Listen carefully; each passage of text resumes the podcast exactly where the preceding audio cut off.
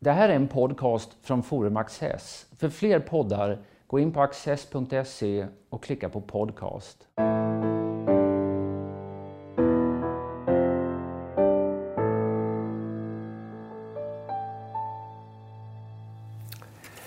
Välkomna till Studio Access.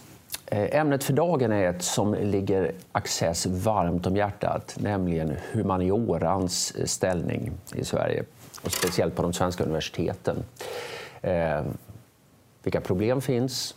Vilka möjligheter eh, ser man? Och kring detta ska jag resonera med min gäst som heter Anna Victoria Hallberg. Du jobbar till vardags på ledningskansliet på Södertörns högskola.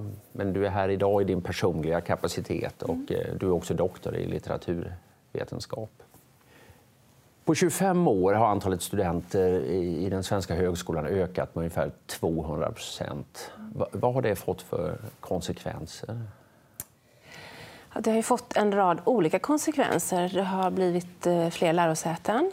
Eh, det har blivit eh, fler som är engagerade i sektorn, som forskar, och disputerar och undervisar. Och det har också kommit många fler studenter.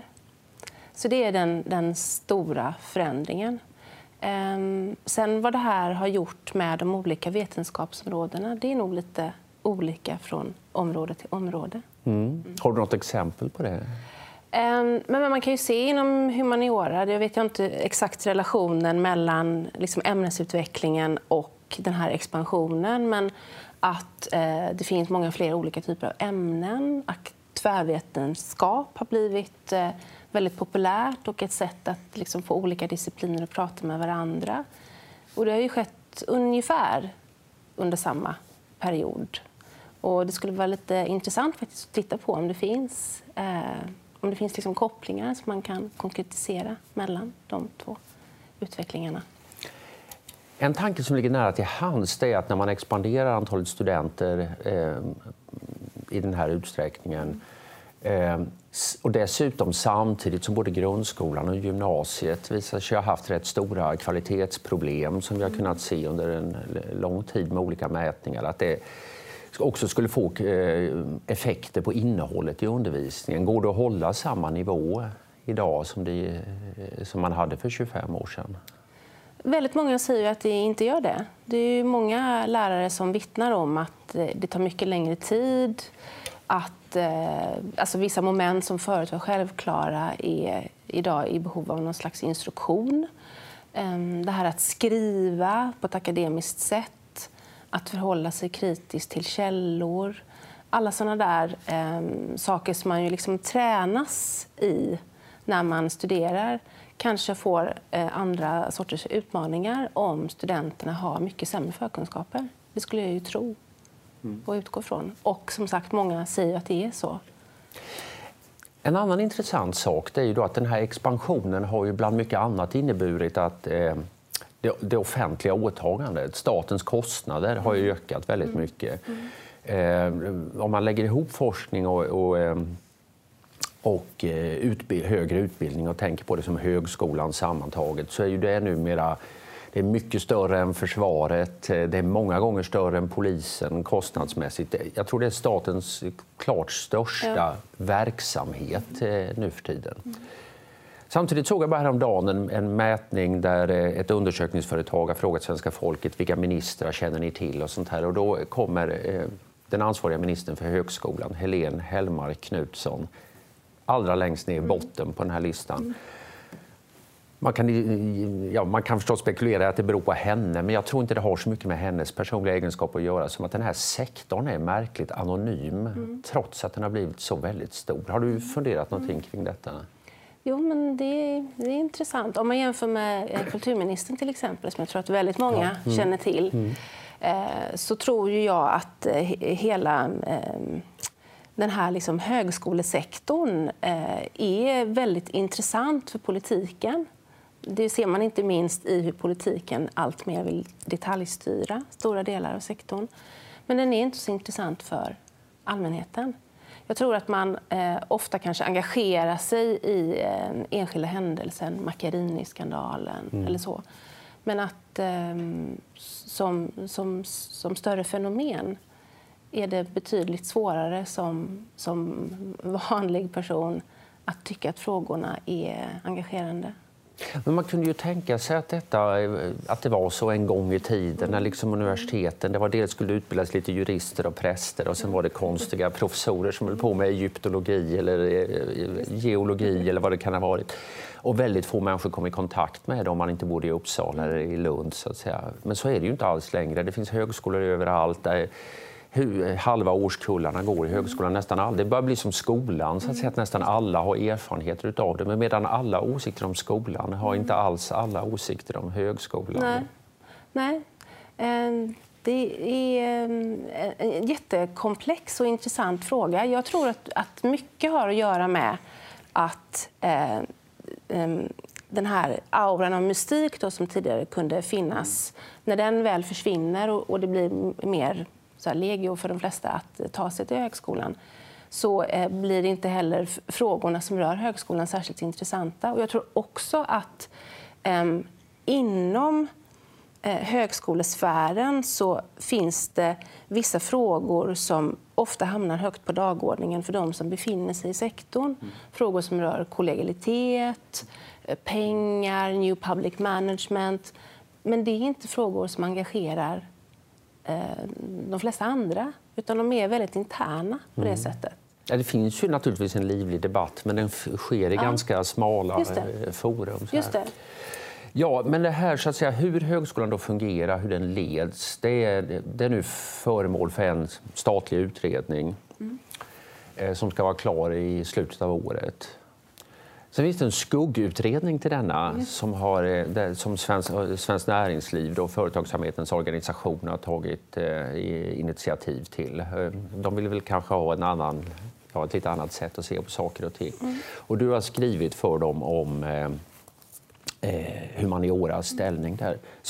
Svenskt Näringsliv har väl lite halvrisigt rykte när det gäller förhållandet till humaniora ja. efter någon rapport för några år sedan jo. om att man borde sänka studiemedlen. Mm. Men det fick inte dig att ha några betänkligheter för att eh, ta det här uppdraget? Nej, jag tyckte att det var eh, ett otroligt eh, roligt tillfälle att få komma med ett självständigt intellektuellt inspel i en pågående diskussion. Den här utredningen engagerar ju väldigt brett i högskolan? I högskolan, ja. eh, precis. eh, och sen är det ju också så att eh, det är väl ett utmärkt tillfälle då eh, att eh, rikta lite ljus på humaniora-frågorna. Och då är det det här med styrning. Ehm, det handlar om hur resurser fördelas, det handlar om vem som bestämmer över verksamheten eh, alla gillar ökad självständighet, men det är lite olika eh, vad man menar med detta. Så om du ska välja ut någon av de här frågeställningarna, vilken tycker du är mest angelägen? Varför ehm, ersättningen för studenter ser ut som den ser ut är väl en sån här fråga som, som eh, har varit på tapeten väldigt länge. Och där tror jag ju också att den här utredningen har otroligt höga förväntningar på sig att komma med modellförslag där liksom det som kallas för prislapparna mm. eh, blir löst eller blir annorlunda. Om det kommer att bli så eller inte det vet jag inte riktigt. För Det är så otroligt problematiskt. Alltså pengarna till eh, svenska lärosäten kommer ju idag i två olika påsar. En för forskning och en för mm. utbildning. Eh, och nu diskuteras det om de inte borde komma i en och samma påse. Ehm, pengarna som kommer till forskning har ju eh, en bakgrund i där man liksom tittar på hur framgångsrik har forskningen varit, hur ofta citeras den och den typen av frågor. Mm. Medan eh, utbildningspengarna baseras på volym. Alltså hur många studenter har mm. ämnena och hur många studenter eh, drar man igenom. så att säga. Är det två delar där? Dels ja, får man poäng för antagna studenter, kan man mm. säga enkelt uttryckt, och dels för om de lyckas prestera någonting. Ja, ja. Precis. Um, och en del, det har ju varit en kritisk invändning, mm. det här att högskolan får faktiskt betalt för att godkänna sina egna studenter. Ja. Ja, vilket man kan tycka lägger ett rätt tungt moraliskt ansvar på, ja. på eh, högskolan. Ja. Borde det ändras? Kommer det att ändras? Um. Ja, det är jättesvårt att svara. Det borde ju ändras på ett sätt, men å andra sidan så har man ju hela, laborerat med olika andra alternativ och kommer ändå ofta fram till att det är väldigt svårt att hitta en annan, en annan lösning. Det ska bli intressant att se om, om den här struten, som den kallas för i sektorn, mm. eh, kommer med eh, en annan idé kommer med en annan modell. För du påpekar i din rapport här att det finns liksom inget inbyggt Eh, ingen belöning för kvalitet, Nej. utan det är bara liksom, eh, inre värden hos professionen som då ska garantera detta. och det, räcker väl en bit, men hur, mm. hur långt räcker det? är ju Nej. frågan. Nej. Och där tror jag också att eh, ett av de stora huvudproblemen för humaniora finns. alltså det här att eh, utbildningarna som ges inom humaniora har eh, inget tryck på sig, inget söktryck till skillnad från medicin, eller juridik eller ekonomi. eller så. Och det, det är någonting som man verkligen behöver komma till rätta med. Det är ganska många som studerar humaniora, mm. men det är samtidigt lätt att komma in. Är det, mm. ja. det borde bli färre. Färre och svårare ja. att komma in. Ja. Mm. Och det, gäller det humaniora rakt av, tycker du? Eller, det, det, humaniora är ju ganska många olika ja, saker, trots allt. Det det. Nej, men jag tycker att man borde börja laborera med lite olika alternativ där man skapar eh, som ett slags test elitutbildningar och ser om de kan eh, generera en annan typ av genomslag. Alltså, eh, den hårt eh, forskningsanknutna utbildningen är den som är nyttig. Eh, och det tror jag är någonting som man måste bli mycket mer medveten om inom humanvetenskaperna. Det här begreppet nytta ja. Eh, är intressant, tycker jag. Eh, och, statsmakten och alla, det finns ju oändliga mängder intressegrupper som älskar högre utbildning numera av alla möjliga skäl, mm. nyttoskäl. Alltså den ska väcka liv i bygden och den ska öka exporten och den ska höja statusen och så vidare. Mm. Eh, humanioras företrädare har ofta, tror jag, lite oroat värjt sig mot tanken på nytta. Man känner att det är något man som är svårt att kvantifiera, som man representerar. Hur, hur resonerar du kring nytta och humaniora? Jag tänker att den efterfrågade nyttan eh, finns i den här mer elitistiska varianten. Eh, jag tänker också att eh, det för eh, humanioras eh, skull behövs eh, liksom röras om lite grann. Att man har på något sätt kantrat väldigt mycket i en ensidig eh, idé om sig själva där eh, det handlar väldigt mycket om att eh, hävda humanioras rätt eh, men utan att kanske riktigt ha de goda argumenten för hur det ska göras eller hur man ska komma runt det här faktumet att att man har stora problem med utbildningarna, till exempel. Och att tiden som en humaniora-student får är så liten. Mm. Eh, att det krävs så mycket självständig insats från en student i humaniora. Det ställer också väldigt höga krav på humaniora-studenten. Och hela den här idén om att, att det ska vara svårt att läsa på universitetet, det måste liksom gälla alla vetenskapsområden. Och där menar jag att eh, humaniora har en bit att gå. Då. Du har en snygg formulering i den här rapporten där du skriver att vi måste bli mycket mer onyttiga för att kunna peka på vår nytta. Ja. Men jag tror den behöver en liten vad är det? Jo, jag tror att man ska eh, inte bry sig så mycket om det här med eh, samhällsutmaningar och samhällets krav och definitioner på vad nytta är. Utan istället utan istället då se att ehm, eh, studenter som eh, kan mycket och som kommer hit för att läsa en humanistisk utbildning eh, och söker den i konkurrens med många andra, eh, de har eh, en, liksom en inställning som vi ska ehm, värna. Eh, och med detta så följer också att um, um, forskningen som sådan inom humaniora sällan är så där direkt samhällsnyttig. Men kvalitet, kvalitetsaspekten mm. det, är, det är det som är det viktigaste i själva diskussionen kring vad nytta egentligen är. För du, du varnar för att humaniora ska försöka bli någon sorts, eh, jag tror du kallar det samhällsvetenskap light. Mm. Eh, och liksom tjänstvilligt säga mm. att vi kan också vara med och lösa ja. samhällsproblem. Mm. Så att säga. Mm. Ser du att den utvecklingen är på gång? Ja, jag tycker att det ofta är så i debatten och att man också på något sätt väljer att ofta följa Ehm, politikens, ehm, kanske inte alltid krav, men uppmaningar om att göra på ett visst sätt för att bli belönad. Ehm, jag värnar ju den så kallade klassiska humanioran.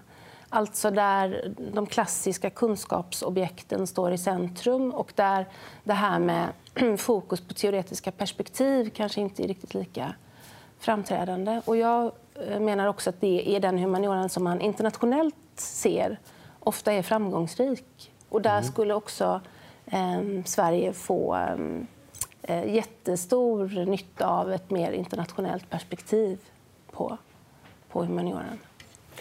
Man kan ju tänka sig som lekman här att de tänker ja, humaniora och nytta. Vad jag? Ja, en sak som är otvivelaktigt nyttig det är ju sådana, som vissa färdigheter, att man kan främmande språk till exempel. Mm. Det är bra för Sverige att det finns människor som kan ungerska eller som kan estniska eller som kan eh, japanska. Eh, som är väldigt, men, men, där är då stödsystemet inriktat så att eh, de ämnena är svåra att locka få studenter och de är väldigt svårt att få finansiering. Mm. Det är, ja. Mm. Det är ett jo, problem. Det, det är ett problem. Ja. Men jag tror också att man måste börja tänka att eh, alla humanioraämnen kan inte finnas överallt. Mm. Eh, det, det, finns ju en inbyggd konflikt här eftersom lärarutbildningen finns på så många olika lärosäten. Och det gör ju också att lärarutbildningen behöver humaniora, litteraturvetenskap till exempel, mitt ämne, eller svenska. Mm. eller så. Eh, och det gör att eh, när de ska finnas representerade på olika lärosäten så måste eh, så blir också miljöerna ganska små mm. av hävd.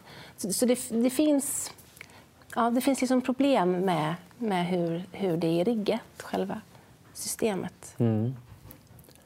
Men förstår jag dig rätt, att, att just för avsluta det här nyttoämnet, så att säga att det, egentligen är det så att det viktiga skulle vara att humaniora lockar riktigt bra studenter Ja, men... Därför att är de väldigt duktiga och får en kvalificerad utbildning då kommer de att vara dugliga och därmed nyttiga. Ja, de kommer också vara eftertraktade. Ja, just det. De, kommer, eh, de kommer att eh, behövas i olika sektorer där ju humaniora idag så sällan är representerade. Inom bankväsendet, inom eh, utrikesförvaltningen, inom eh, olika typer av företagande. Det är väldigt svårt att hitta företagsledare med en humaniora-bakgrund.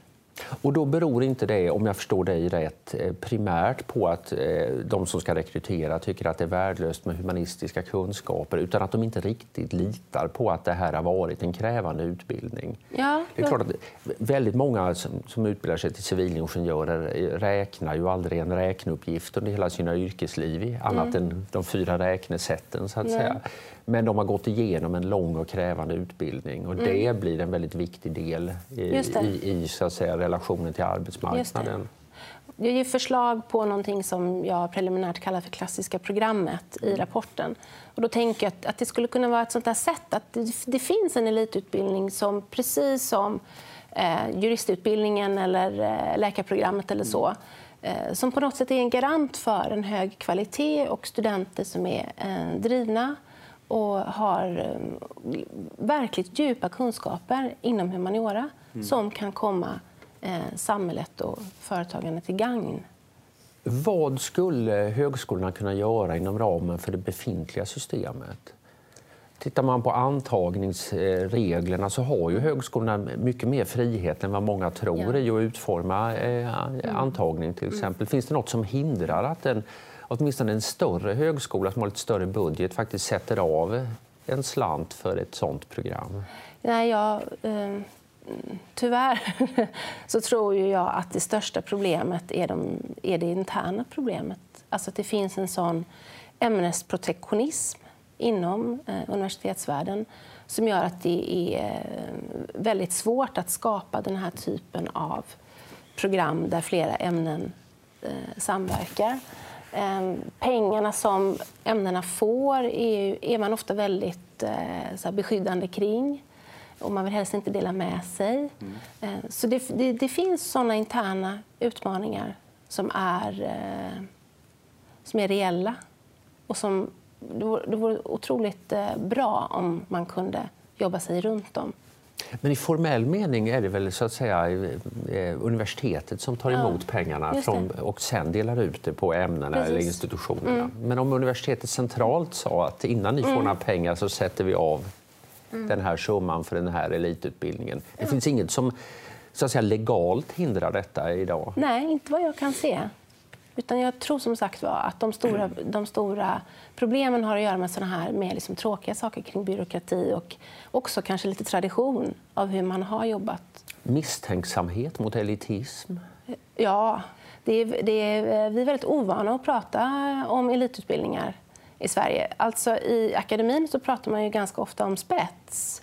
Och jag vet inte riktigt vad skillnaden är. Ja, det är mycket forskning då, är det inte ja, det? det är jo, spetsforskning är alla älskar spetsforskning, ja. men spetsutbildning är inte riktigt lika Nej. Eh, populär. Eh, av någon märklig anledning. Det finns ju nästan överallt i andra delar av världen. Mm.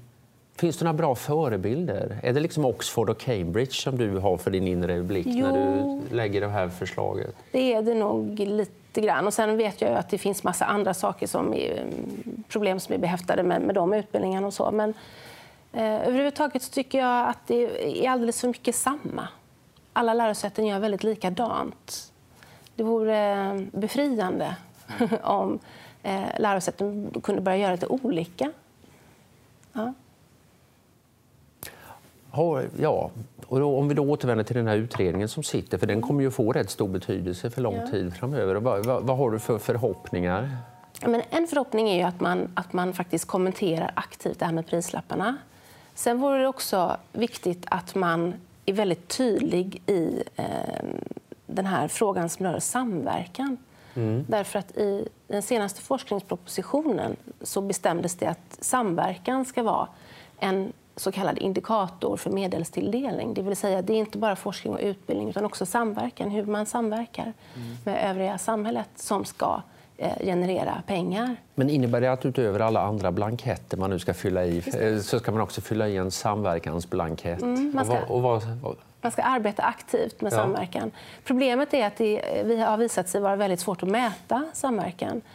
Men också själva definitionen av vad samverkan är för någonting är väldigt olika inom olika vetenskapsdiscipliner och också för olika regioner.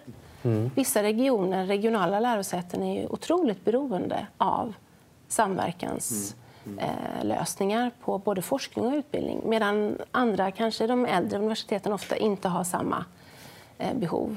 Så att, eh, det vore bra om eh, liksom regeringen definierar vad man menar med samverkan innan man säger att man ska mäta. Och vilken definition vore bra för humaniora? Jag tror att det är problematiskt att ha samverkan som medelstilldelningsindikator eh, för det första. Men för humanioras del så tror jag att eh, också där finns det humanistiska eh, ämnesmiljöer som står väldigt nära samverkan medan andra inte gör det alls. Mm. Och där borde man ha en mer, en mer varierad syn en mer, en mer liksom individualistisk och pluralistisk eh, idé om hur man skulle kunna jobba med samverkan. Mm. Ett, ett, tema som ligger nära de humanistiska ämnena av hävd kan man väl säga, eh, det är ju bildning. Man kan väl säga att du är lite eh, hälsosamt skeptisk till den här bildningsvurmen i den här rapporten. Kan du, kan du utveckla den tanken lite grann? Mitt perspektiv är ju att bildningsfrågorna eh, ibland tenderar att ta över humaniora och att eh, bildning blir ett slags eh, mål i sig. Jag tänker ju att konsten är det som är bildande. Om man säger att man är medis, eh, juridikstudent så tror jag att det är väldigt värdefullt att läsa Brott och straff och Dostojevskij. Men det är ju en roman, alltså det är konst. Det har inte egentligen med humaniora att göra. Humaniora är forskning och utbildning från eh, liksom traditionella frågeställningar som, som genereras inom de här olika disciplinerna. Så humaniora levererar bildning och bildning är lite vad ska man säga, grädde på moset? Ja, ja. och det är också lite det här att man ibland kan tänka att ja, men lite kurser i humaniora kan man väl läsa för att bilda sig och så. Och, eh, problemet är att det slår tillbaka på eh, humanvetenskaperna själva. Mm. Hur då? Jo, därför att det just blir den här lite mer då avmätta loj-attityden kanske till utbildning och att läsa på universitetet. Man tänker att jag läser eh, en termin konst, eh, någon termin litteraturvetenskap och så utbildar jag mig till ekonom sen. Alltså, eh, humaniora behöver ju studenter som stannar kvar, mm. som liksom vill ha en, en, examen i humaniora och som vill gå en hel utbildning. Humaniora behöver därför program. Det är också en sån aspekt som, som eh, ofta saknas. Mm. Så det är inte idé egentligen, det är inte idén om bildning du är skeptisk till utan idén om att det är någonting som inte kräver jag hårt arbete? Kan, jo, jag kanske kan vara liksom skeptisk till bildningsidén också därför att den, eh, den blandas lätt ihop. Alltså det finns ju dels en, en inomvetenskaplig diskussion kring bildning. Vad är bildning och vad ska bildning vara till för? Och sen finns det det här lite mer då fluffiga eh, bildning som, eh, som någonting mer kuriosa-aktigt. Så. Och det menar jag att den aspekten tycker jag vore bra om den försvann från universiteten. Den kan finnas i, i eh, samhället i stort. Mm. Avslutningsvis, här då, i en värld där det finns en viss skeptisk mm. mot elitism men eh, ofta får man väl säga ett stort intresse av ökade statliga anslag så mm. säger du så att säga, vi ska bli färre studenter och de pengar vi får ska vi koncentrera till dem så att det blir starkare resurser. Vi, vi ska frivilligt krympa oss men bli vassare. Så att säga. Vad, vad möter du för gensvar? Ehm, jag möter oftast någon slags antingen eller. Antingen tycker man att det, är, det jag säger är fullständigt vansinnigt eh, ehm, eller så säger man att eh, ja, men det här är en problembeskrivning som, som man instämmer i. Eh, jag tror att det har att göra också med en slags grundsyn faktiskt som man kanske då antingen delar eller inte delar. Ehm, men jag hoppas att det kan finnas ehm, liksom trådar i rapporten som gör att man kan komma vidare. Ehm, humaniora behöver ambitiösa studenter. Det ska vara svårt att studera humaniora på universiteten. Där har vi en jättefin sista replik ja. i detta samtal. Anna Victoria Hallberg, stort tack för att du har varit med. Tack.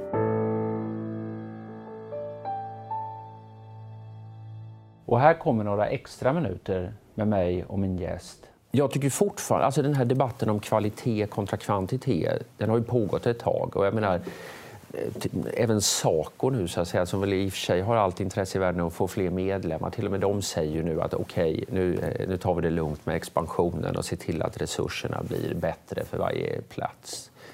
Men politiken bara mal på med fler platser och ökade, mm. ja, större intag och sånt här. Mm. Vad beror det där på? Det beror väl sig på så att man, eh, man har en idé idag om att alla, som man uttrycker det, ska kunna studera mm. på universitetet. Eh, att hela Sverige ska kunna eh, ha, ta del av högre utbildning. Det vill säga att de regionala lärosätena spelar en väldigt viktig funktion. Men, men, för mig är, är, det lite smått obegripligt att tänka sig att det inte också kan vara andra institutioner. Jag menar, vi har ju komvux, vi har såna här University College, inte minst för vårdutbildningar. Mm, mm. Det finns Folkuniversitetet, de digitala möjligheterna som erbjuds redan nu, men inte minst i framtiden gör ju också att andra alternativ skulle kunna det vara... finns väl ett väldigt... Ja, men om man tittar återigen det här hårda nyttoperspektivet. Mm. Då finns ju den här yrkeshögskolan. Mm som ju verkar vara rätt lyckosam mm. liksom med att matcha personer och, och jobb och, och, en kortare då, eh, postgymnasial eh, utbildning. Men det finns fortfarande en stark nimbus mm. kring högskolan mm. och att liksom man hoppas att den ska ge status och lyfta yrken och sånt där. Är det så? Jag tänker många av de här, man har ju akademiserat ett antal eh, utbildningar som traditionellt inte var det. Har det verkligen lett till ökad status eller är det bara förhoppningar? Ja, nej, kanske inte ökad status och heller inte högre kvalitet. Därför att kvalitetsaspekten har ju ofta varit ett argument. Mm. Alltså att utbildningar behöver då flytta in i en högskolemiljö därför att där finns, finns den här nära kopplingen mellan forskning och utbildning och det är liksom den man vill komma åt. Mm. Man hör ju från eh, sjuksköterskor som sådär ska läsa Bourdieu eller vad det nu kan vara och sen mm. har liksom problem att sätta nålar. Och, och, så, och att det är ett, eh, där har man ju ett reellt problem. Jag tror att um, den här mer praktiskt inriktade utbildningen det vore oerhört värdefullt om den kunde uppvärderas lite. Mm. Och teoretiseringen är väl, som du var inne på när vi pratade tidigare också, det är väl en sjuka som drabbar även de klassiska universitetsämnena och att det är ett av skälen kanske till att arbetsgivare drar öronen åt sig. Mm.